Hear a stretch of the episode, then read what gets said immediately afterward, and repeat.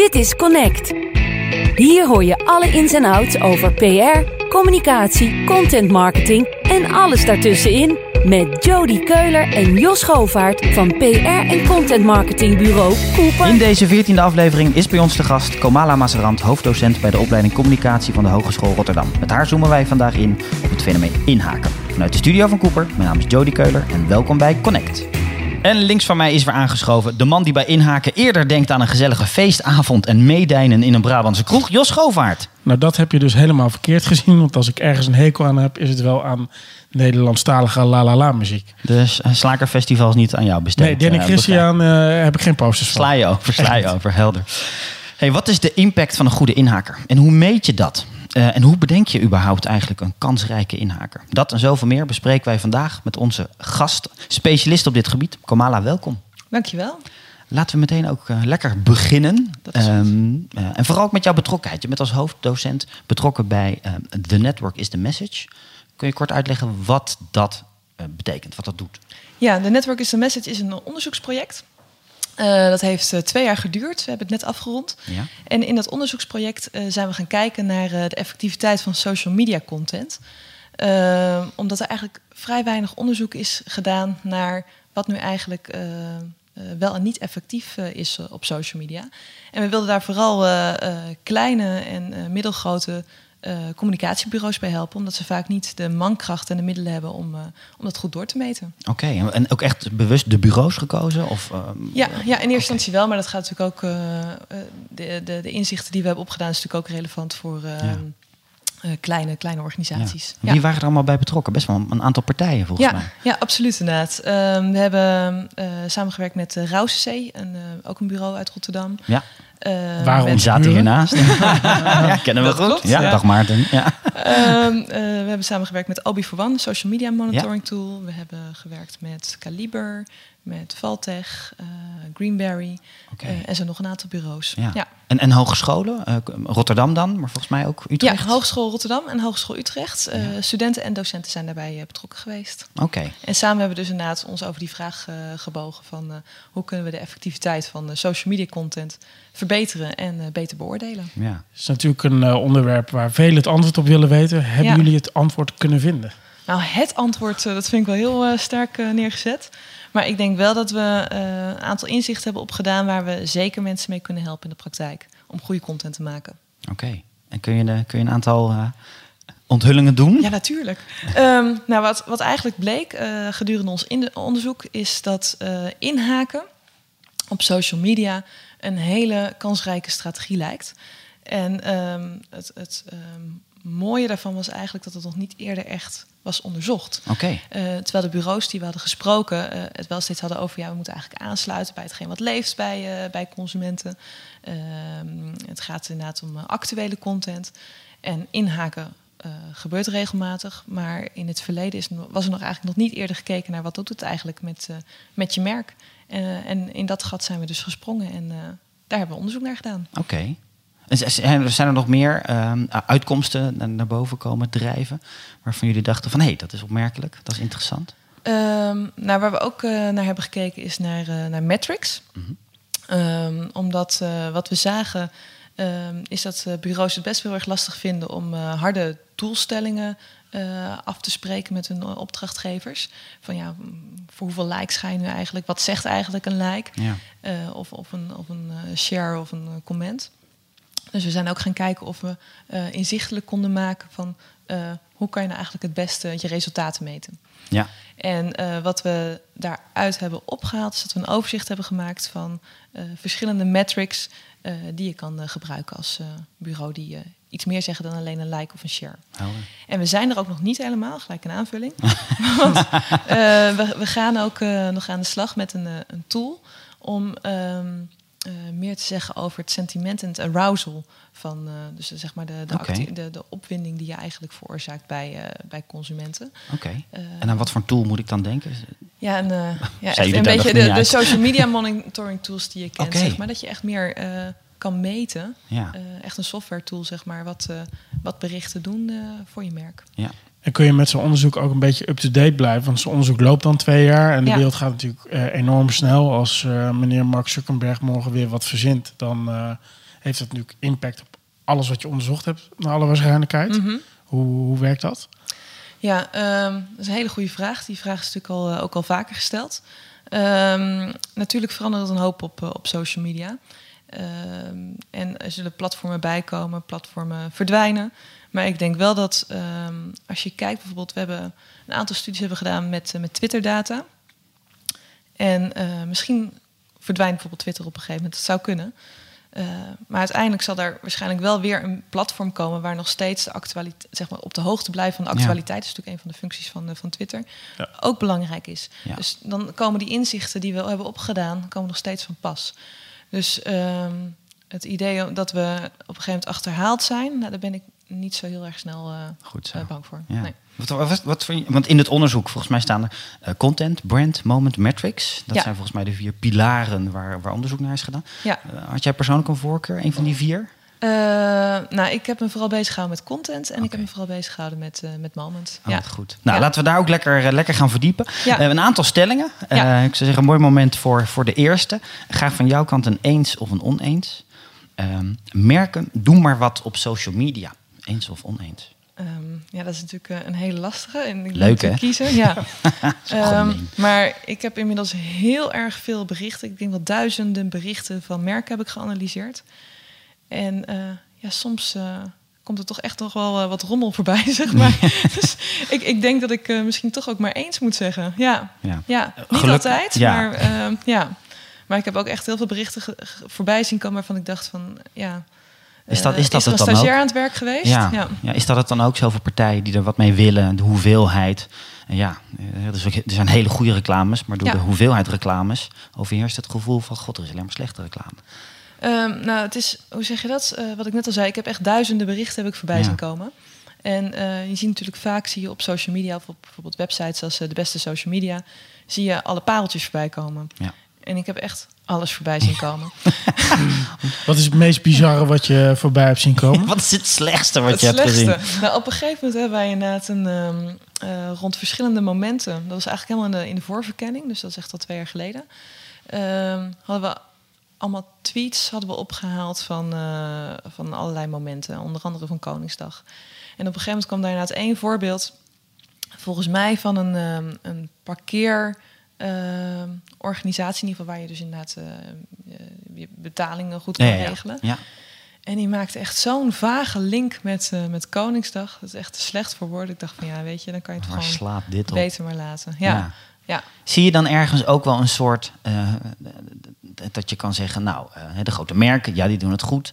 Ehm, eh, bepaalde gemeentes in de grote steden, die doen het aardig. Maar als het daarna minder wordt of het wordt kleiner, dat het dan ook gewoon de kwaliteit ook gewoon afneemt? Of zeg je? Ehm, ja, dat zou ik niet direct zo één op één kunnen zeggen. Als ik ook kijk naar ehm, eh, de content die wij vooral hebben geanalyseerd, dan zit het vooral op, eh, op eh, de grote Nielsen-adverteerders op social media. Ja. Ehm, dus het is lastig om echt uitspraken te doen over eh, het verschil tussen grote en kleine bedrijven. Dat zou ik ook eh, niet eh, durven doen. Ehm, maar ik denk niet dat als je een grote organisatie bent, dat je dan ook meteen eh, beter bent in inhaken. Absoluut niet. Nee. Want Ik denk dat het ook wel iets te maken heeft met het gemak waarmee je het kunt doen. Weet je, als je iemand hebt die een beetje handig met Photoshop overweg kan, dan heb je binnen een uur heb je iets gemaakt. Ja. En qua media-investering valt het natuurlijk ook wel mee. Het is maar Mhm. net wat je erachter zet. Je kan er niks achter zetten of een paar tientjes of eh, nog veel meer. En dat was natuurlijk, eh, als je het vergelijkt met eh, het maken van een advertentie voor een krant, weet je, dat moet je op een bepaalde manier opmaken, dat moet je op een bepaalde manier aanleveren, Mhm. daar moet je grof geld voor betalen. Dus dan denk je wel drie keer na voordat je iets maakt. Ik denk dat daar ook wel iets, iets in zit, dat, dat je echt wel een tijd gehad hebt. En volgens mij wordt het nu weer wat minder gevoelsmatig. Dat er vooral heel veel content maar gemaakt moest worden. En dat, en dat kan natuurlijk vrij eenvoudig. En of dat dan je merk helpt, of eh, nog beter gezegd je klanten helpt, daar kan je wel eens eh, een vraagje bij stellen. Ja. Ja, ik denk het eerlijk gezegd niet. Want je hebt, nu heb je het algoritme wat gewoon fungeert als een hele strenge poortwachter. En als jij eh, stelselmatig geen interactie hebt met je gebruikers of met je volgers, Ja. Dan ehm filtert het algoritme op een gegeven moment je content er ook gewoon uit. Dus het is onwijs belangrijk om juist wel stelselmatig gewoon relevante content eh, eh, aan te bieden. Ja. met het geheim in, dan in het woord relevante content. Uh, ja, ja, ja. uiteraard. Hey, in, in, jullie onderzoek verbinden jullie ook merken met, met associatienetwerken. Mm -hmm. vond ik heel interessant. Kun je dat eens toelichten? Ja. Ja, als je kijkt naar een merk, een merk is eigenlijk een uh, samenstelsel van associaties. Een, ja, een, een, een associatienetwerk. Ja. Um, bijvoorbeeld uh, uh, ja, hele voor de hand liggende, maar Volvo denkt iedereen aan veiligheid, denkt iedereen aan Zweden. Ja. En zo zijn er een aantal associaties die om het merk Volvo heen kleven. En samen maakt het eigenlijk het merk Volvo. En uh, in ons onderzoek hebben we ook zo geprobeerd te kijken naar um, um, uh, verschillende associaties die bijvoorbeeld ook rond biermerken mm -hmm. kleven. En of we daar ook inderdaad ook wat, wat meer helderheid in zouden kunnen krijgen. Maar ik moet zeggen, dat is een onderzoek dat heeft mijn collega Ronald Voorn vooral gedaan. Ja. Dus als je daar uh, het naadje van de kous wil oh, weten... dat is ook wel leuk om uit te nodigen dan. Ja. ja, het is ook fascinerend. Ik bedoel, staan merken daar zo bewust bij stil? En, en, en gaan ze zo ver om dat goed te onderzoeken? Zo'n zo'n associatienetwerk. Um, ja, ik neem aan dat je toch inderdaad wel uh, over nadenkt... Uh, waar je jezelf mee wil associëren als merk. Ja. Uh, denk bijvoorbeeld aan Red Bull. Uh, die uh, organiseren niet voor niets allemaal evenementen die aansluiten bij hun eigen merkwaarde. Dus, en ook bij hun eigen merkassociaties. Dus ik neem aan dat je als merk daar wel mee bezig bent. Ja. Mag ik hopen. Ja, en toch slaan ze dan zo vaak de plank ook mis. Hè? Ja. Dus Ja. dan kan je nagaan van oké, misschien heb je er wel over nagedacht. Maar het verbinden van al die elementen, dat Ja, kan niet, niet elk uitdaging. merk heeft zo'n duidelijk profiel als eh, Volvo en Red Bull. Dat is natuurlijk voor iedereen zonder klaar. Maar er zijn natuurlijk ook een heleboel waarbij je denkt van ja, ik weet wat ze, wat ze maken. Maar Mhm. wat voor associaties daar aan vasthangen, dat is misschien een stuk minder duidelijk. En he- heb je, heb je in, in dat onderzoek enig verband daartussen gezien dat hoe sterker eh, zeg maar, het associatienetwerk is, is, is het dan ook makkelijker om keuzes te maken waar al dan niet op in te haken? Of, eh, Nou ja, het is meer ehm, wat ik de relevantie ervan vind, is als je gaat inhaken, dat je ook nadenkt over de associaties waar je jezelf mee wilt verbinden. Bijvoorbeeld als je Merci bent, eh, chocolademerk, Ja. dan zitten daar natuurlijk associaties omheen als, eh, als eh, cadeau, als liefde, als. ehm, ehm, er zijn nog een paar, zeg maar. En dan is het logisch bijvoorbeeld als Merci om in te haken op Valentijnsdag, omdat die associaties overeenkomen met jouw merk. Ja. Ehm, dus wat dat betreft kan je dan inderdaad je merk verstevigen, of in ieder geval het associatienetwerk verstevigen. Ja. Hey, nou, nou willen merken eh, online heel graag bereiken eh, en invloed. Ja. wat, wat, wat zou jij tegen organisaties zeggen die met die vraag bij bureaus aankomen? om bereik en invloed eh, te realiseren? Ja, dat is een hele goede vraag. Ehm, ik denk dat. ehm, daar heb ik geen harde uits kan ik geen harde uitspraak over doen als het gaat om, wat, wat effect eh, oplevert. Maar wat je natuurlijk wel ziet, dat is heel erg belangrijk, is dat je het merk samen met je gebruikers maakt. Eh, en dat je dus ook in je contentstrategie daar rekening mee houdt. Dus dat je ook kijkt op welke manier je gebruikers kan betrekken bij, bij, bij je merk bouwen. Ja. Ja. Is van, hebben jullie vanuit het onderzoek iets gevonden waarvan je zegt van ja, dat is waar merken nog te weinig aandacht op leggen? Ehm, ehm, ehm, maar dat zou wel moeten. Nou, ik denk wat heel belangrijk is, en sommige merken doen het overigens wel goed hoor, maar is dat je vooral consistent, consistent bent in je strategie, die, je, je contentstrategie. eh. dus dat je niet eh, de ene keer dit doet en de andere keer dat doet, maar dat er een soort van vaste stramien in zit. En ik denk dat dat wel heel, eh, heel belangrijk is. Dus als je bijvoorbeeld ehm, eh, gebruikers betrekt, zeg maar. ehm, je hebt bijvoorbeeld ehm, echt HEMA. Is zo'n zo'n hashtag, zeg maar. Veel mensen ook iets, iets posten over de HEMA. Mhm. Dan zie je dus regelmatig, zie je, inderdaad, je ziet wel, ook al zijn het foto's van gebruikers, je ziet allemaal wel dat, dat het altijd de look en feel heeft van de HEMA.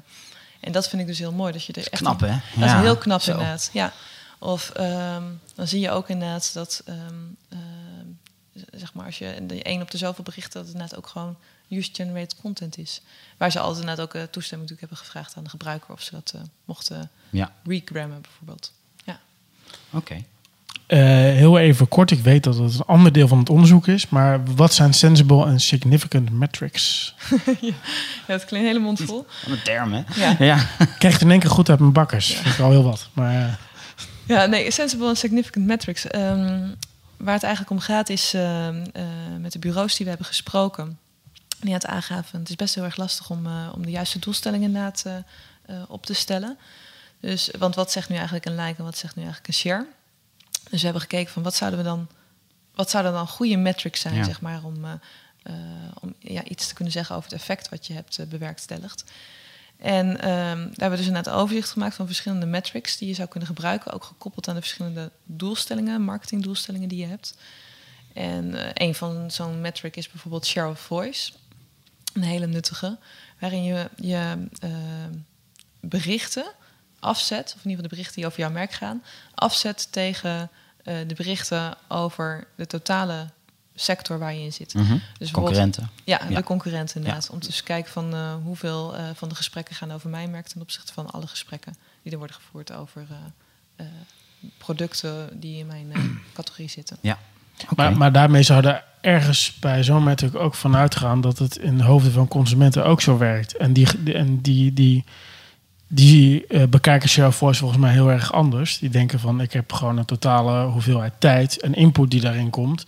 En, en mensen die gaan niet al die concurrenten op een hoop eh, gooien, maar meer van wat komt er bij mij binnen en waar Mhm. maak ik mijn keuzes. Dus volgens mij, als jij wil beïnvloeden als merk, eh, ja, kun je ook afvragen of dan die concurrentieanalyse of dat het meest zinnig is. Vraag ik me af. Omdat je uiteindelijk wat je Mhm. wil is aandacht uiteindelijk. Ja. En, en daar wil je iets mee bereiken. En ik denk als je heel erg gaat focussen op al die, al die concurrenten, dat je misschien wel op het hele verkeerde spoor kan zitten. Ja, het is, het is meer een. ehm, ik snap wat je bedoelt.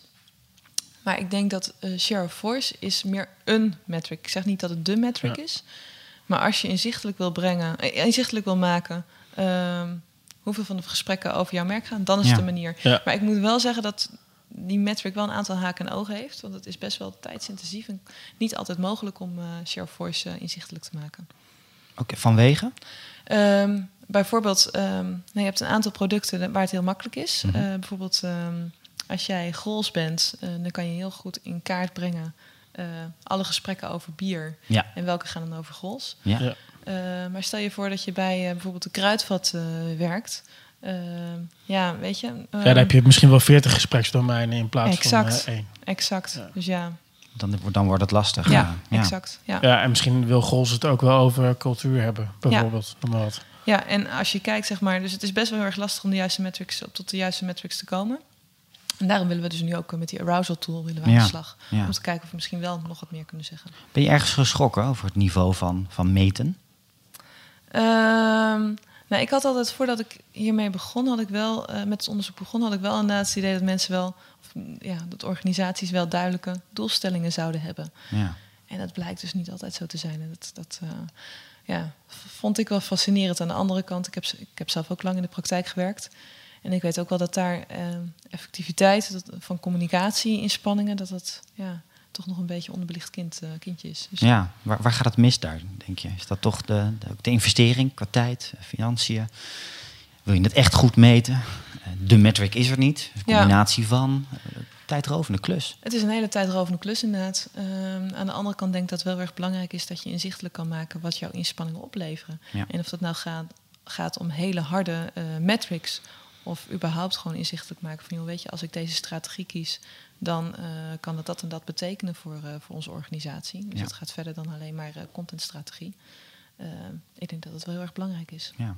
Stel, luisteraars willen meer, meer weten over dit onderzoekresultaten. Is er een plekje waar zij naartoe kunnen, waar ze een en ander kunnen volgen? Jazeker. We hebben een eh, website, dat is eh, de networkisthemessage.nl. En daar staan alle onderzoeksresultaten in ieder geval sowieso op. Tof, tof, tof. Hey, de tweede stelling. We gaan inzoomen op inhakers. Ja. Ehm, een eens of een oneens? Ehm, de meeste inhakers zijn tijd- en geldverspilling. Oh jee. Eh, Ja, ehm, jij hebt al die duizenden Ja. berichten Nou, ge- geanalyseerd. geef eerst antwoord en daarna zoeken we Ja. wel de context. En, eh, ik denk oneens. Oké, Maar ik moet, ik moet het wel nuanceren. ja, dat mag bij deze. Ja. Nou, ehm, we hebben natuurlijk onderzoek gedaan naar, eh, eh, naar inhakers. En wat we zien is dat ehm, als je inhaakt, en dan heb ik het op inhaken op Twitter, dus Mhm. even een duidelijk onderscheid. Oké. Eh, als je inhaakt op Twitter, dan wordt je bericht significant meer eh, ge- gedeeld met andere gebruikers. En eh, we hebben echt een willekeurige steekproef genomen uit honderdduizenden berichten.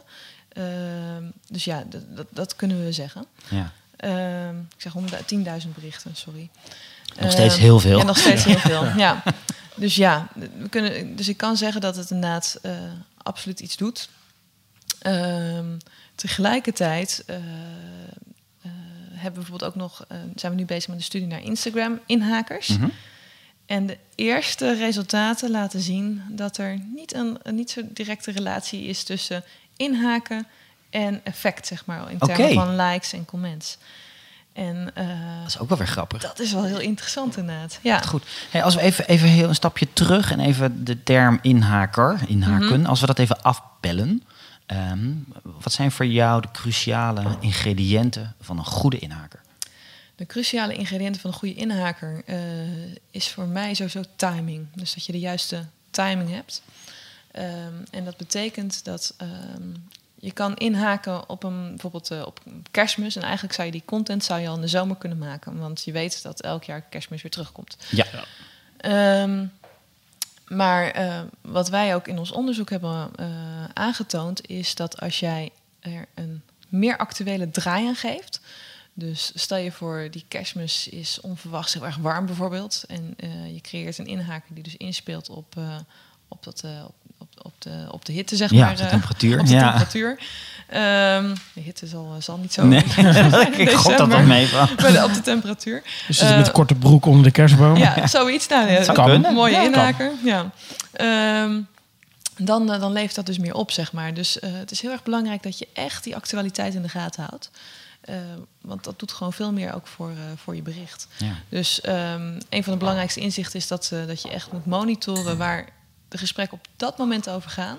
En dat gaat dus verder dan alleen maar kijken naar een, eh, een contentkalender en eh, kijken welke momenten op dat moment eh, daarop staan. Bijvoorbeeld Nationale Complimentendag, tuurlijk, komt elke keer weer terug. Ja. Tuurlijk kan je erop inhaken. Maar als je dus een onverwachte draaiing kan geven, dan, dan doet dat veel meer. Oké. Ja. Ja, waar, waar is het fenomeen eigenlijk begonnen, het inhaken? Is dat, is dat het bekende Oreo-voorbeeld wat, wat, Ja. wat men kent? Of zit er nog iets voor? Je, daarnaar gekeken? Inhaken is natuurlijk niet nieuw. Nee. eh, want ook op traditionele media wordt natuurlijk al heel erg lang ingehaakt. In kranten en eh, op de televisie. Ehm, dus het echt het allereerste inhaakvoorbeeld, ja, dat is, dat is heel Dan lastig gaan we om ver terug waarschijnlijk eh, in de tijd. Ja. Ehm, maar als je kijkt naar social media, dan wordt eh, de Oreo-case eh, met de Super Bowl, dat op een gegeven moment inderdaad een, ehm, een, een stroomstoring was. Dat wordt wel gezien eh, als de moeder der inhakers, want Oreo die reageerde echt binnen een eh, fractie van een seconde Ja. eh, met een bericht van, van ja, weet je, power out, you can still dunk in the dark. Ja. Een mooie foto van Oreo cookie. En dat wordt inderdaad gezien als ja, het startpunt van inhaken of ja, real-time marketing wordt het wel genoemd. Op Ja. advertising Schuurt wordt het daar heel erg tegen aan? De, de, de real-time marketing, inhaken, is dat hetzelfde? Of zeg je nou, er zit wel een verschil? Er zit wel iets van een verschil in. Ehm, maar het schuurt natuurlijk wel heel dicht tegenaan. Want Ja. eh, real-time marketing gaat over ehm, inspelen eh, op eh, hele actuele momenten. En eh, dat is natuurlijk inhaken, is dat ook. Eh, zeker als je inhaakt op eh, echte actualiteit. Ja. Dus dingen die ineens gebeuren zonder Ja. dat je dat had kunnen voorzien. Het woord marketing zou wel suggereren dat het ook iets moet opleveren of zo voor het merk. Mhm. In, in plaats van iets leuks voor het, eh, voor het publiek waar ze om kunnen lachen of, of wat dan ook. Mhm. Maar goed.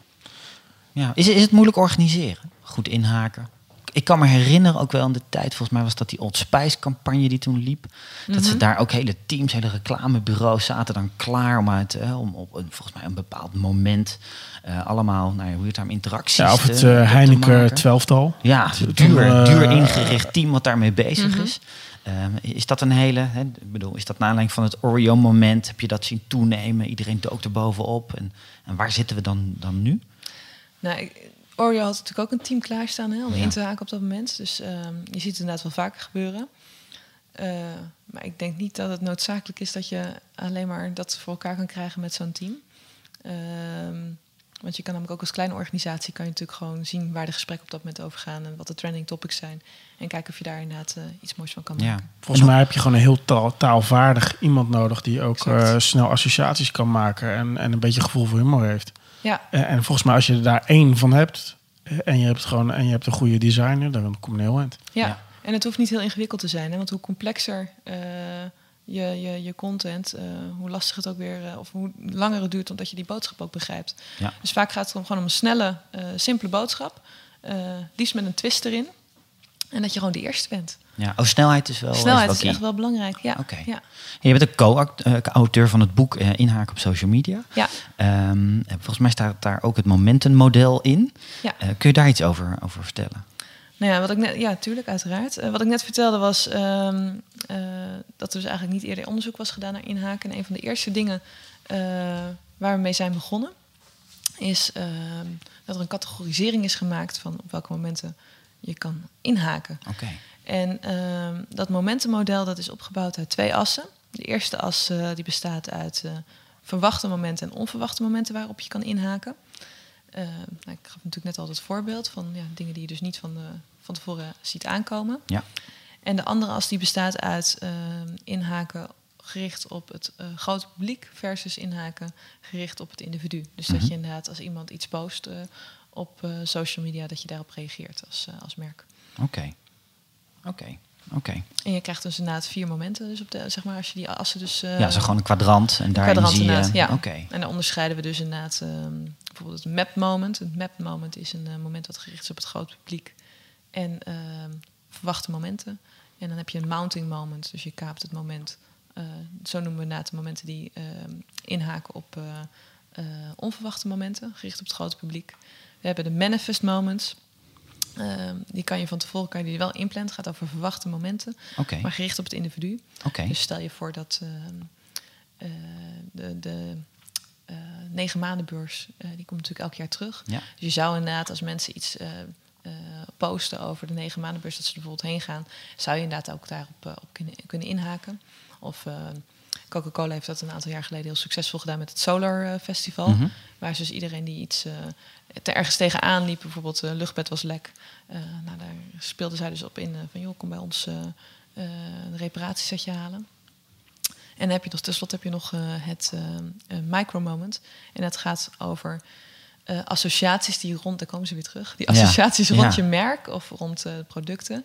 Ehm, eh, waar je op inhaakt eh, als een eh, consument of een gebruiker iets erover post. Wat zou je merken als advies geven als ze zich moeten voorbereiden op zo'n voorspelbaar moment? Het gevaar daar is denk ik dat je een beetje slaaf wordt van je eigen contentkalender. En dat je dan een beetje content zonder zout en peper krijgt, bij wijze van Mhm. spreken. Om, om- omdat je van tevoren nu eenmaal, wat je net ook zei, van je voelt de actualiteit niet. Van, hoe, hoe zou je dat inrichten? Ehm, nou, we, we zijn er ook nog mee bezig. Maar ehm, wat we in ieder geval met de bureaus ook eh, boven water hebben gekregen, is eh, ehm, dat inhaken met een twist, zeg maar. Dus dat je een, een onverwachte ehm, twist geeft aan je, aan je content. Eh, dat, dat, dat dat heel belangrijk is. Dus ja, dat, dat noem je incongruentie met een mooi woord. Oké. Maar in de boodschap, in de boodschap zelf. Dus ja, eigenlijk een soort van puzzeltje wat je op wil lossen in, in de content. En kun je daar een mooi voorbeeld van geven van, eh, van één geval waarvan je denkt dat is echt heel goed gelukt?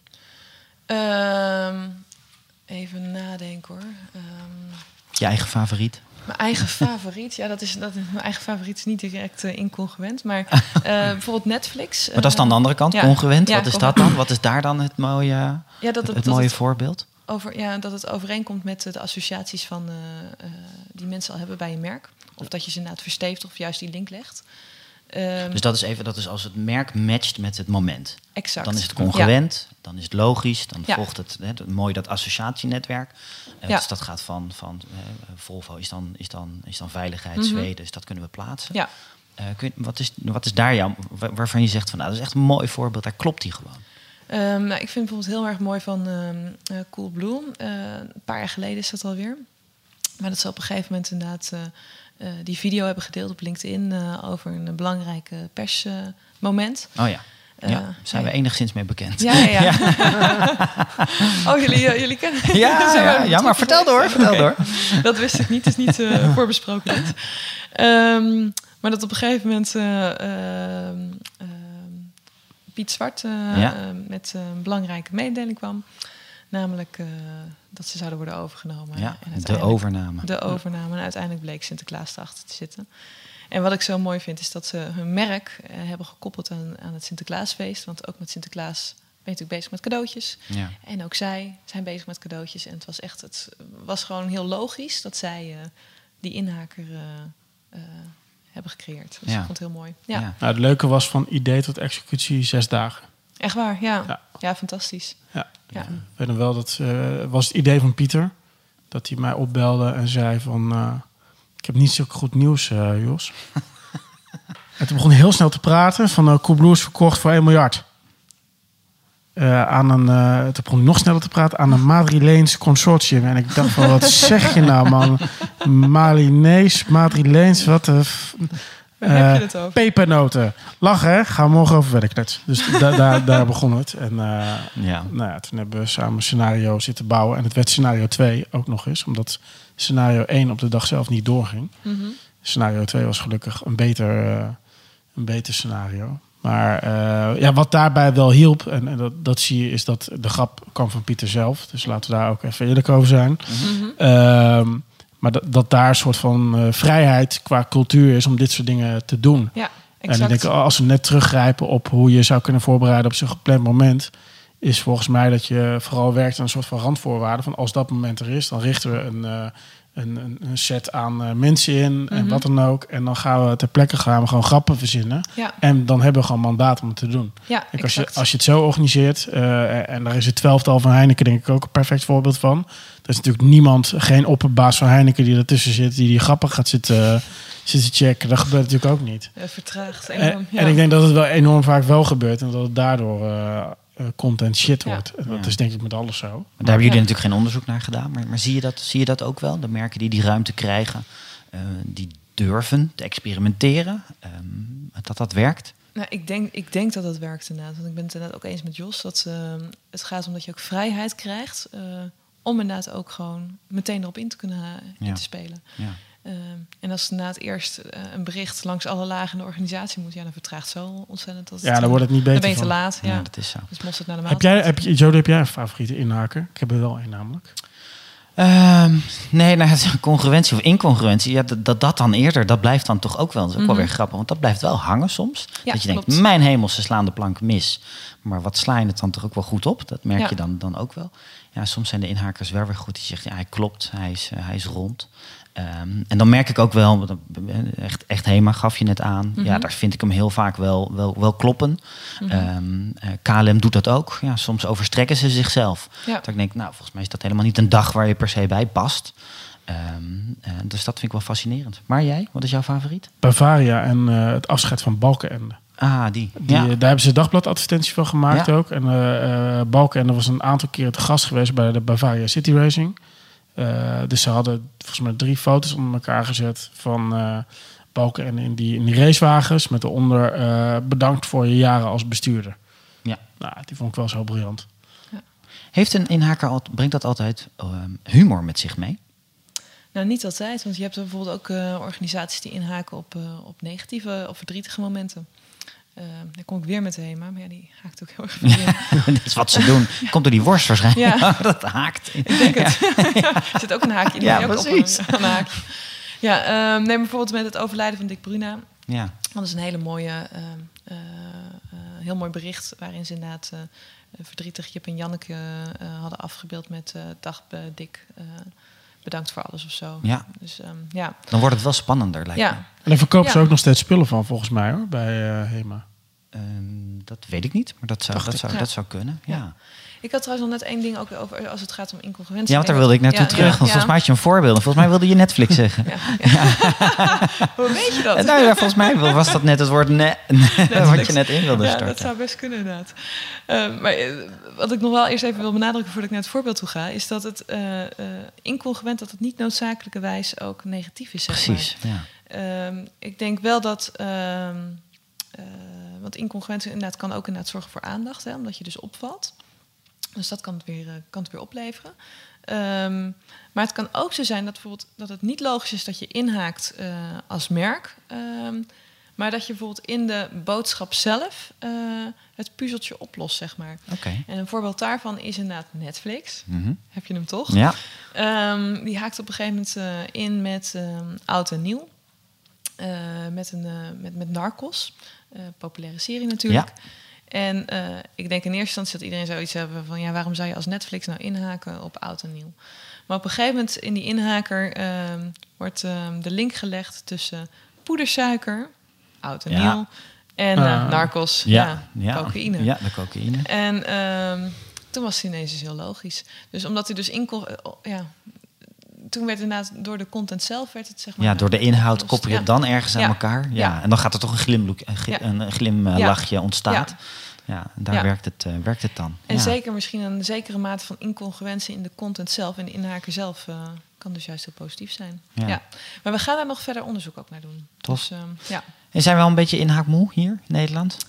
Nou ja, ik denk wel dat je op moet oppassen voor inhaakmoeheid. Dus dat je niet maar op elk moment eh, weer content moet eh, gaan zitten maken. Ik denk dat je daar wel... eh, Dan zie je dat ook bij de grote. Maar een Hema of een Koebel. Denk je, jeetje, ja, elke dag proberen ze het, zijn ze op zoek. Naar de 1 april grap, ja, Ja, dat. Ja. bijvoorbeeld. Ja. je hebt er weer heel veel voorbij zien komen afgelopen jaar. Ja. Ook wel heel leuk hoor. Ik vond die van de Efteling vond ik heel leuk. Met eh Dat is het eh ook weer. Maxi Cozy en de Python. Oh ja. Oh ja. Ja, ja, die is Ja. wel grappig. Ja. Ja. Ja. En zie je daar dan toch ook... eh, eh, ehm, er is een, een, een, een maximum aantal qua inhaken. Doe het, doe het eh, niet wekelijks, maar probeer het één keer per maand heel goed. Kan je daar iets over zeggen? Eh, nou, met harde aantallen per week of per maand, eh, daar zou ik me niet aan durven wagen. Maar ik denk dat het heel belangrijk is, is dat je de juiste momenten uitkiest. Dus dat je niet maar lukraak op elk moment gaat zitten inhaken. maar dat je nadenkt ook weer over die associaties van wat verstevigt nou echt mijn merk? Waar wil ik nu echt mee worden eh, geassocieerd? En dat je die momenten inderdaad uitkiest. In plaats van dat je op willekeurig elk moment maar eh, content gaat zitten maken. Ja. Ik denk Maar- dat je ook moet durven killen. Weet je wel, s- stel 1 april, als je een goede, leuke grap hebt, maak hem vooral. Maar als je denkt van, nou ja, dit is een 6,5. Ja, dan liever niet. En, en dan zie je Ja. toch vaak dat het dan toch op de publish-knop eh, ik kan het zeggen. wordt. Ja, heeft men de kracht om te beoordelen? Ja, het is een 6,5 en ik doe het niet. Nou ja, vaak niet natuurlijk. Redeneren ze het toch Ja. naar 7,5 en dan gaat hij wel naar buiten. Ja, en soms als je een populair merk bent, dan zie je dat hij nog scoort ook, weet je wel. Dat, Mhm. dat heb je soms ook wel Ja. weer. Ja. Vanuit de wereld van PR is, is het fenomeen nieuwsjacking is ook hè, bij, Ja. bij iets nieuws creëren en nieuw nieuws creëren. Mhm. Ehm, ben je dat tegengekomen ook in het Ja, onderzoek? Ja, ja, ja. ja. Nieuwsjacking is, eh, is natuurlijk ook weer heel erg dicht, eh, ligt dat tegen ehm, inhaken Ja. aan. Ehm, ja, er zijn een aantal van die termen: real-time marketing, nieuwsjacking, topical advertising. Ja. eh, en inhaken, ja, maar dat is echt natuurlijk heel erg Nederlands inhaken. Ja, precies. Dus het- eh, als wij inderdaad het internationaal hebben over inhaken, dan hebben we het vaak over topical advertising. Ja. En zo'n 1 april grap van, van Maxi Cosi in de Efteling, beschouw je dat dan als inhaker of beschouw je dat dan als nieuwsjacken? Ja, ik beschouw dat inderdaad als, eh, als inhaken, maar je kan het ook inderdaad als nieuwsjacking. eh, Ja, die elementen zitten erin, Ja. weet je, nieuw, eh, Ja. nieuw nieuws creëren. Ja, exact. Oké, Ja. helder. Ja. De derde stelling. We zijn, eh, we zijn goed op weg. Eh wellicht ook een pittige voor je, Ja. Eh, maar ik ga hem toch voorleggen. Een eens of een oneens van jouw kant. Het niveau van onderwijs op het gebied van communicatie ligt te laag. Dan zeg ik natuurlijk meteen volmondig oneens. Nou, bewijs dan maar eens. Eh, vertel. Ja, nou ja, ik, je kondigt me natuurlijk net al aan. Ik ben hoofddocent bij de opleiding eh, communicatie van de Hogeschool Rotterdam. En ehm, ja, hoe zeg je dat? Ik ben natuurlijk zelf ook betrokken bij het curriculum. En ehm, ik, weet wat we voorschotelen aan de studenten. En eh, dat is inderdaad allemaal state-of-the-art kennis. Ehm, we hebben onwijs gave projecten, hele mooie opdrachtgevers waar we mee samenwerken. Eh, dus nee, ik ben het absoluut niet mee eens dat wij niet eh, de kwaliteit bieden waar de, eh, waar, ja, hoe zeg je, wat, wat, wat te laag zou zijn. Absoluut Ja. niet. Ja. En, en was dat ook je oordeel toen je, toen je het, het aantrof, het, het niveau? Ehm, eh, en zeg je, nou, daar hebben we ook gewoon hard aan gewerkt de afgelopen jaren, want het was wat laag. Of zeg je, nee, we komen niet van zo gek ver. Ehm, nee, want hoe zeg je dat? Ik ben zeven jaar geleden ben ik begonnen bij de hogeschool. En toen stond er ook gewoon een mooi curriculum. Alleen dat curriculum was al wat ouder. Mhm. En we hebben de, vijf jaar geleden hebben we dat curriculum eh, flink opgeschud. Oké. en er ligt echt een heel mooi curriculum, eh, in ieder geval bij, eh, bij mijn opleiding. En hoe hebben jullie dat vooral dan, dan zeg maar opgeschud? Ehm, nou, we zijn ehm, in eerste instantie eh, werkten we nog met ja, een soort van grove indeling van interne communicatie, marketingcommunicatie en corporate communicatie. En vijf jaar geleden zijn we naar een hele andere indeling gegaan. Eh, want je ziet natuurlijk ook dat bij, bij organisaties er niet meer strikt volgens die hokjes eh, wordt gedacht. Ja. En we werken nu vooral met ja, meer een manier van denken die we studenten aanleren. Is dat ze eerst denken vanuit de context. Mhm. vervolgens daar ehm, die context in kaart kunnen brengen. Kunnen zien welke issues belangrijk zijn. Welke momenten relevant zijn. Ja, net over niet. Uh, welke stakeholders belangrijk zijn enzovoorts. Waar de gesprekken al worden gevoerd. Vervolgens ga je van context ga je naar uh, concept. Mm je, uh, je kan dus die signalen duiden en kan je vertalen naar een goede strategie. met bijbehorend concept. En uiteindelijk moet daar goede content uit rollen. Dus van context naar concept naar content. Okay. En dat is onze manier van denken. En daar hebben we ook ons curriculum op ingericht. En volgens mij sluit dat naadloos aan bij hoe er nu ook in de praktijk wordt gewerkt. Merkte je dat ook vanuit de bureaus waar jullie dan, zeg maar terug naar het onderzoek, waar jullie mee samenwerkten? Werd je dan bevestigd? Dat je dacht, ja, het sluit, het sluit goed ja, aan? Ja, zeker. En ik geef ook regelmatig, geef bijvoorbeeld ook, uh, vertel ik ook het verhaal over inhaken op, op grote events. Ja. En dan ga ik natuurlijk ook bij andere presentaties ga ik zitten en dan krijg ik weer een verhaal te horen hoe bijvoorbeeld een campagne is ingericht. Nou, dan zie ik echt dat dat naadloos aansluit bij uh, wat we doen. Bijvoorbeeld dat er ook inderdaad in eerste instantie is gekeken naar customer insights. En dat vervolgens uh, uitgerold is in een mooie concept met bijbehorende content. En denk ik, nou, dat doen wij ook. En dat vind ik mooi. En um, daarnaast denk ik ook, um, wij zijn dus sinds een jaar of drie zijn we dus bezig met onderzoek binnen de opleiding communicatie. Dus dat we ook zelf onderzoek doen met docenten en met studenten. Studenten krijgen daar natuurlijk ook een belangrijke rol in. En um, ik denk ook dat dat de kwaliteit van, van de opleiding verhoogt. Want ja, weet je, uh, nog niet eerder was er onderzoek gedaan naar inhaken. En mijn studenten zijn er gewoon al mee bezig geweest de afgelopen ja. drie jaar. Ja. Dus, uh, Mooi. Ja. Lekker doen ook, volgens ja, mij. het is echt doen. En het leuke is, vind ik ook wel... Um, er zijn nu ook twee wetenschappelijke publicaties uh, zijn er geschreven. En ook daar hebben de studenten een rol in gehad. Ja. Dus ja, hoe gaaf is dat?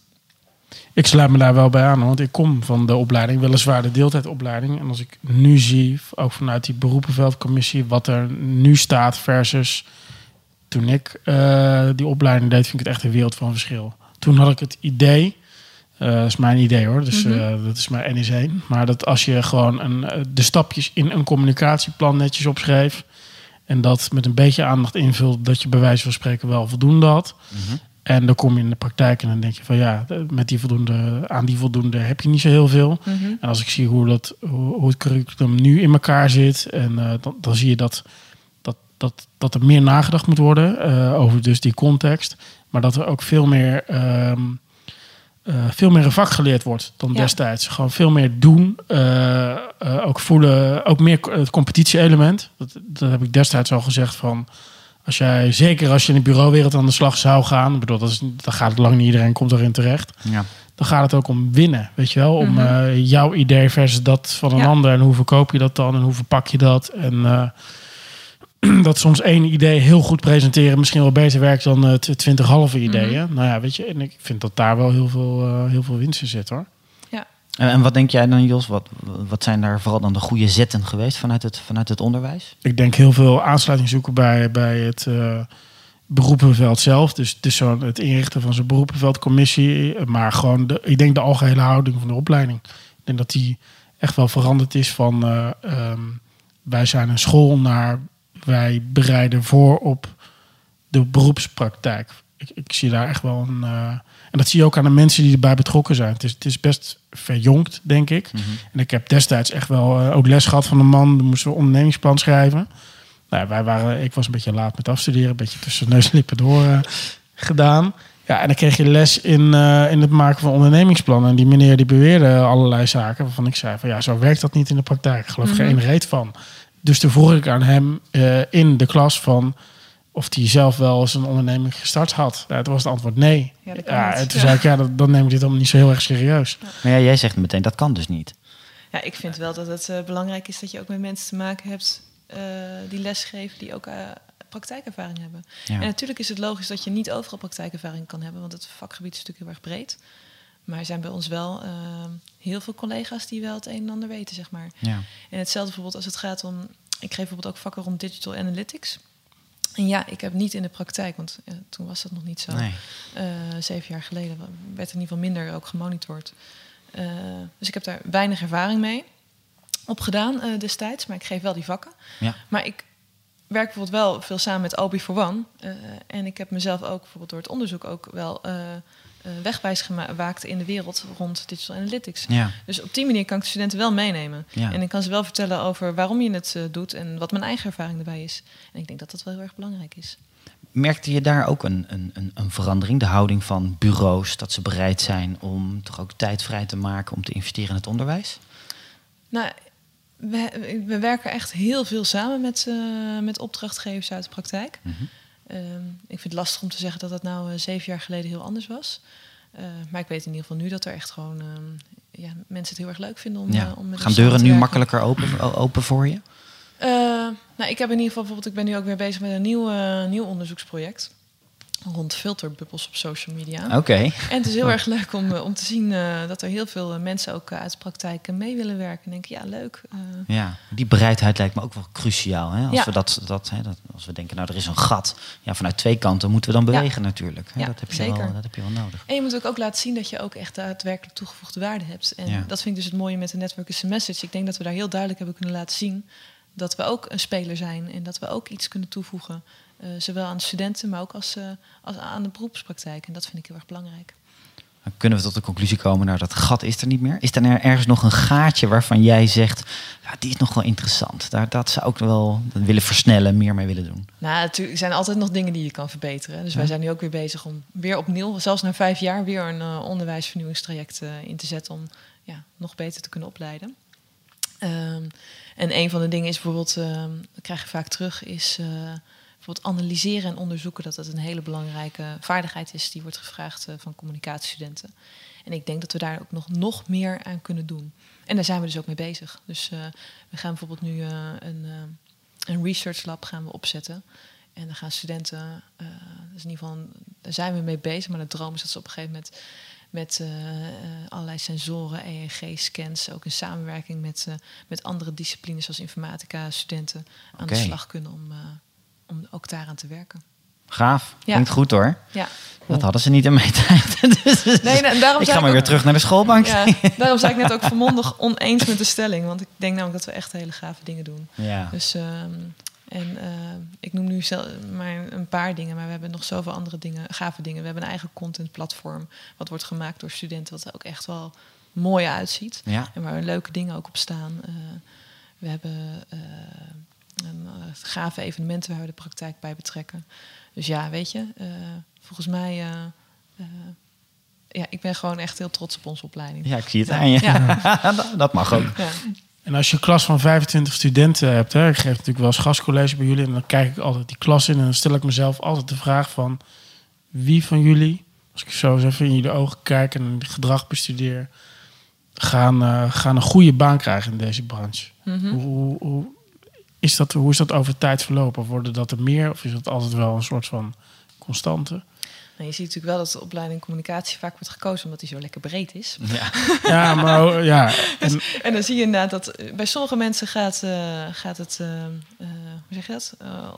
wordt er een vlammetje ontstoken, zeg ja, maar. ontwaakte passie. Ontwaakte passie, ja. inderdaad. Dat, dat, heb je wel nodig om het te redden in dit vak, exact. want anders wordt het echt helemaal niks. Ja, je moet het echt leuk vinden.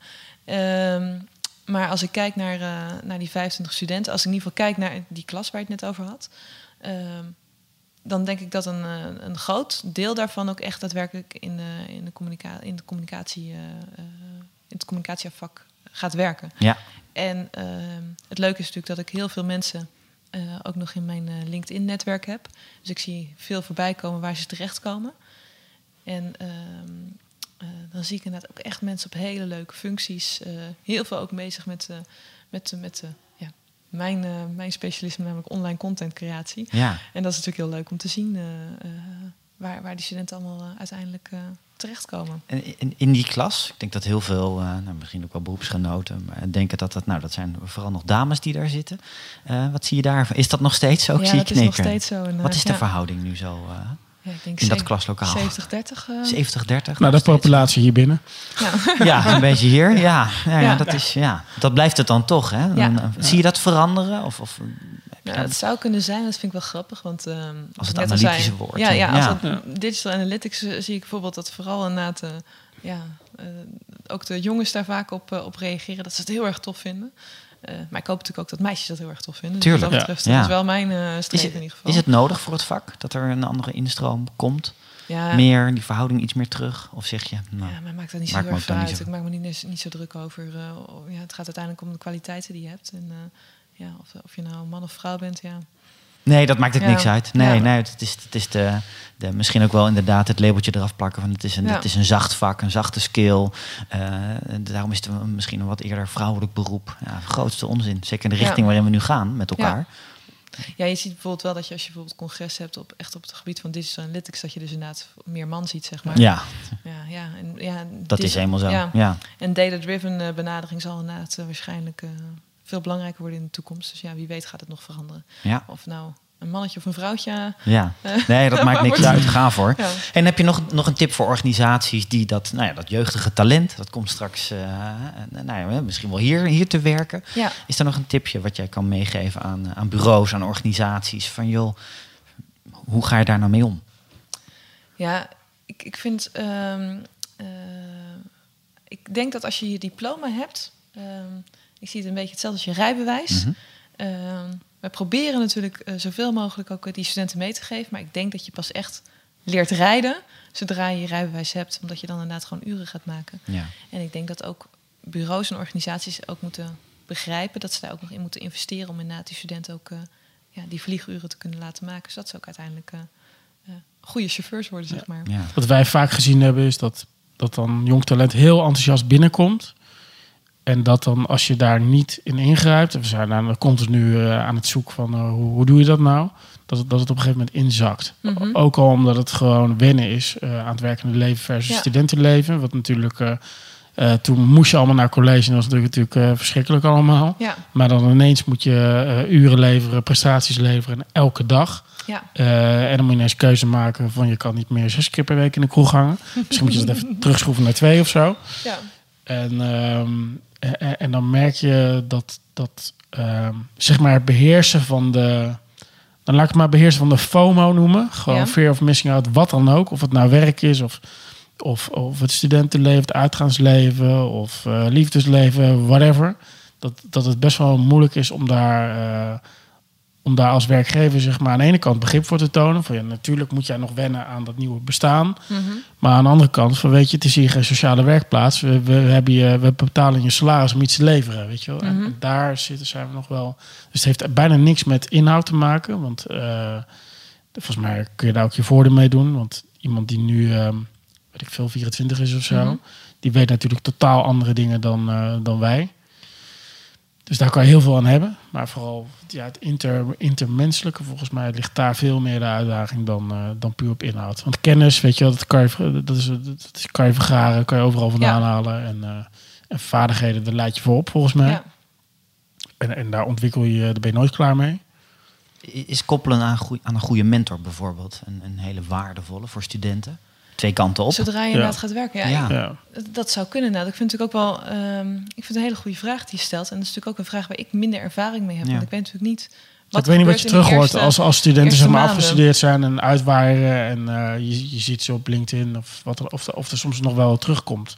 Ik zie alleen maar welke posities ze hebben. Ja. Ja. eh, zij gaan bekleden. Ja. Dat zie ik. Ja. Eh, maar ik hoor natuurlijk niet het verhaal van de opdrachtgever. Nou, weet je, eh, we moeten die student nog eventjes goed eh, Ja. opvoeden. Wat betreft de normen en waarden of de ethiek, zeg maar. Wat betreft ja, hoe, dat, hoe dat eraan toe gaat in het, eh, in het werkzame leven. Maar ik kan me eh, er wel een voorstelling bij maken, moet ik heel eerlijk zeggen. Er, er is altijd een worsteling. En de een overleeft hem en de ander haakt af. Ja. Dat, eh, Nee, dat ligt is een beetje 50-50, denk ik. Ja, Ja, het is natuurlijk zonde als je een, ontzettend talentvol, eh, net afgestudeerde eh, nieuwe collega krijgt. En je te Mhm. zegt, nou ga in dat hoekje zitten, social media is voor jou. En zoek het maar uit. Volgens mij is dat ook doodzonde. Eh, dus dat koppelen aan talent wat er misschien nog in de organisatie zit. iemand waar, want je kunt van elkaar leren. Als je daar Ja. maar voor open staat beide. Zou dat een hele goede zet eh, kunnen zijn. Ja. Wij gaan in ieder geval met heel veel interesse blijven we al die afgestudeerden volgen. En eh, kijken wat daar eh, vanuit de regio allemaal eh, in, het, in het beroepenveld al gaat landen. Hey, laatste vraag alweer. Oké. Eh, als mensen met jou willen, willen connecten, waar kunnen zij dan het beste, beste terecht? En sowieso natuurlijk via LinkedIn eh, ben ik gewoon te vinden. Dus eh, dan is het googelen op Comana Mazerand. Ja, maar hoe spel je dat nou? Ja. Ik neem aan dat dat ook wel... Ja, daarvoor hebben we de show notes. Komala Mazerand. Ja, in de show notes jongens. Ja. LinkedIn is toch het meest gegeven antwoord Ja. hè, op deze vraag. Ja, en ik Ja. moet dan wel zeggen van ik link eh, wel alleen met mensen die ook eh, uitleggen waarom ze met me willen linken. Kijk, Want dus- eh, ja, moet wel relevant zijn natuurlijk. Mocht je het willen, beargumenteer Ja. goed in ieder Ja. geval. Kamala, namens ons beiden, dankjewel voor je komst. Ja, jullie ook bedankt voor het gesprek. Dit was alweer aflevering 14 van Connect. Wil je meer informatie? Bezoek dan www.cooper.nl connect voor alle show notes, cases en tips. Deze podcast wordt mede mogelijk gemaakt dankzij de interne support van Noortje Kleine en mediapartner Adformatie. Bedankt voor het luisteren en tot de volgende aflevering.